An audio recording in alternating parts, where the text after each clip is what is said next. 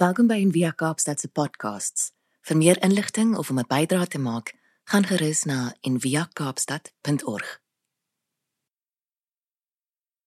Gister het uh Louis van der Riet, dokter, ek het vergeet hy's 'n dokter, dokter Louis van der Riet, dokter Dominee Louis van der Riet, uh by ons gepreek en uh, hy's regtig mooi gedeel. Hy het gepraat oor Dietrich Bonhoeffer wat 'n literse predikant was en baie baie uitgesproke was teenoor die teenoor die nasies en uh, opgestaan het in die publiek teenoor hulle en ook sy lewe verloor het. En so en die die Bonhoeffer se se punt was om te kan sien het om te kan sien van die uit gesê om te kan sien van die onderkant af um, om die nood om te kan sien dit wat eintlik regtig aan die gang is want dit was vir hom so verbasend dat soveel mense binne en buite die kerk in Duitsland nie gesien het wat gaan aan nie in die Tweede Wêreldoorlog nie. En ehm um, hoe hy net opgestaan het gesê maar kyk, jy moet kyk. sien, kyk. En uh, Louis het uitgebrei op daai metafoor gister en daar's 'n baie groot uitnodiging vir ons almal binne in dit om te kan om te kan sien om te kan kyk na wat aangaan in ons samelewing en 'n uitnodiging om te kan kyk ook na wat binne in ons aangaan. Um om regtig eerlik te wees en en uh, introspeksie te doen en te en te kyk en te sien. En Louis het hierdie um dis sy tekste gebruik het Markus 10, een van my gunsteling tekste. Um waar Jesus in Jerigo inloop. Um wanneer ons DV volgende jaar Israel toe gaan weer uiteindelik dan sal ons daar in Jericho rondloop ook. Uh die oudste lang langste bewoonde stad in die wêreld. En uh wanneer jy so inloop dan sien hy daar's 'n blinde man wat daar sit. En daar's 'n paar verwysings in die teks wat praat oor hoe die die disippels en die mense rondom eers 'n keer ook hierdie ou gesien het. Hulle het begin van onder af sien en hoe Jesus hom gesien het en hoe hy Jesus dan vir hom hierdie fantastiese vraag vra. En ek dink altyd daai soos dis een van die beste vrae in die wêreld en in die Bybel. En Jesus vra dit vir hierdie ou. Hy vra vir hom: "Wat wil jy hê moet ek vir jou doen?" Wat wil jy hê moet ek vir jou doen? En ehm um, die ironie van daai teks is dit so obvious. Want Vrydag gister gesê, "De." En en sien. Ehm um, maar dit is nie so maklik vir ons almal om daai vraag te antwoord nie. Net vir my persoonlik in my lewe was dit 'n groot stryd om uit te figure wat wil ek hê. En baie keer vir dan sal ek bid en sê vir die Here, sê vir my wat ek moet doen, sê vir my wat moet ek doen. En die Here se antwoord was die hele tyd gewees, wat wil jy hê? Wat wil jy hê? So ek dink daar lê groot uitnodigings vir ons in hierdie teks en ek wil jou nooi om in hierdie week met daai vraag te sit. Wat kan ek vir jou doen? Wat wil jy hê? Ehm um, en hoe kan ons beter sien? Hoe kan ons beter sien in ons samelewing dit wat aangaan en hoe kan ons beter sien wat aangaan in onsself?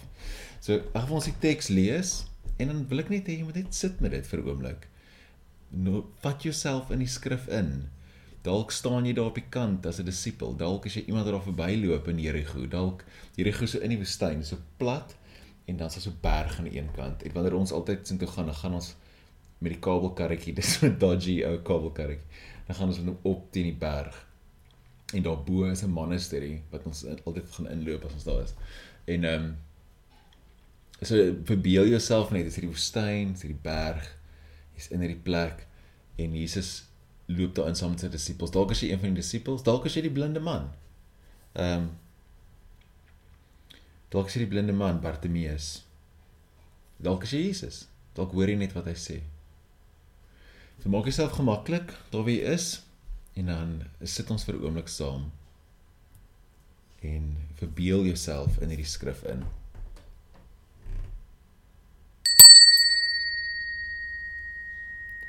Ek lees ons uit die message vertaling uit. They spent some time in Jericho. As Jesus was leaving town, trailed by his disciples and a parade of people, a blind beggar by the name of Bartimaeus, son of Timaeus, was sitting alongside the road. When he heard that Jesus the Nazarene was passing by, he began to cry out, Son of David, Jesus, mercy, have mercy on me. Many tried to hush him up, but he yelled all the louder, Son of David, mercy, have mercy on me. Jesus stopped in his tracks. Call him over. They called him. It's your lucky day. Get up. He's calling you to come. Throwing off his coat, he was on his feet at once and came to Jesus. Jesus said, What can I do for you? The blind man said, Rabbi, I want to see. On your way, Jesus said, Your faith has saved and healed you. In that very instant, he recovered his sight and followed Jesus down the road. Ag ons weer lees en luister. Antwoord dalk die vraag in jou binneste. Wat Jesus vra. They spent some time in Jericho.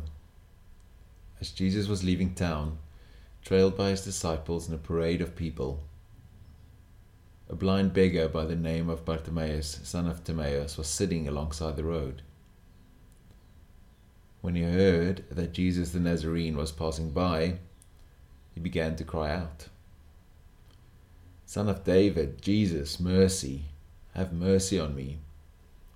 Many tried to hush him up, but he yelled all the louder, Son of David, mercy, have mercy on me. Jesus stopped in his tracks. Call him over. They called him, It's your lucky day. Get up. He's calling you to come. Throwing off his coat, he was on his feet at once and came to Jesus. Jesus said, What can I do for you?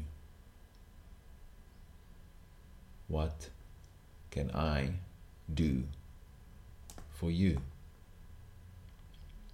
The blind man said,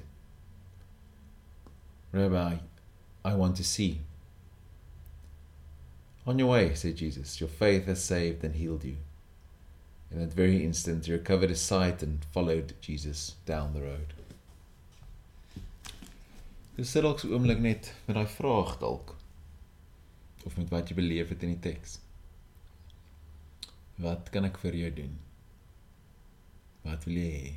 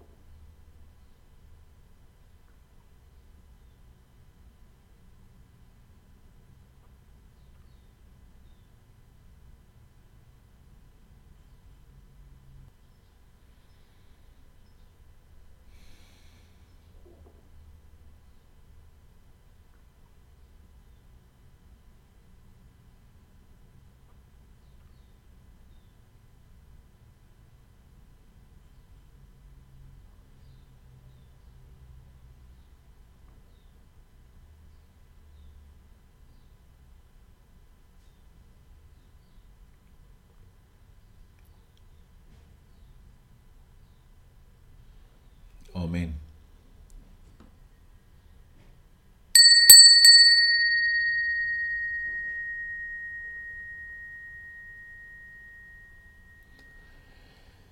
Mag jy in hierdie week die moed hê om daai vraag te antwoord? Wat kan Jesus vir jou doen? Vrede vir julle. Dankie dat jy saam geluister het vandag. Besoek gerus en via kaapstad.org vir meer inligting.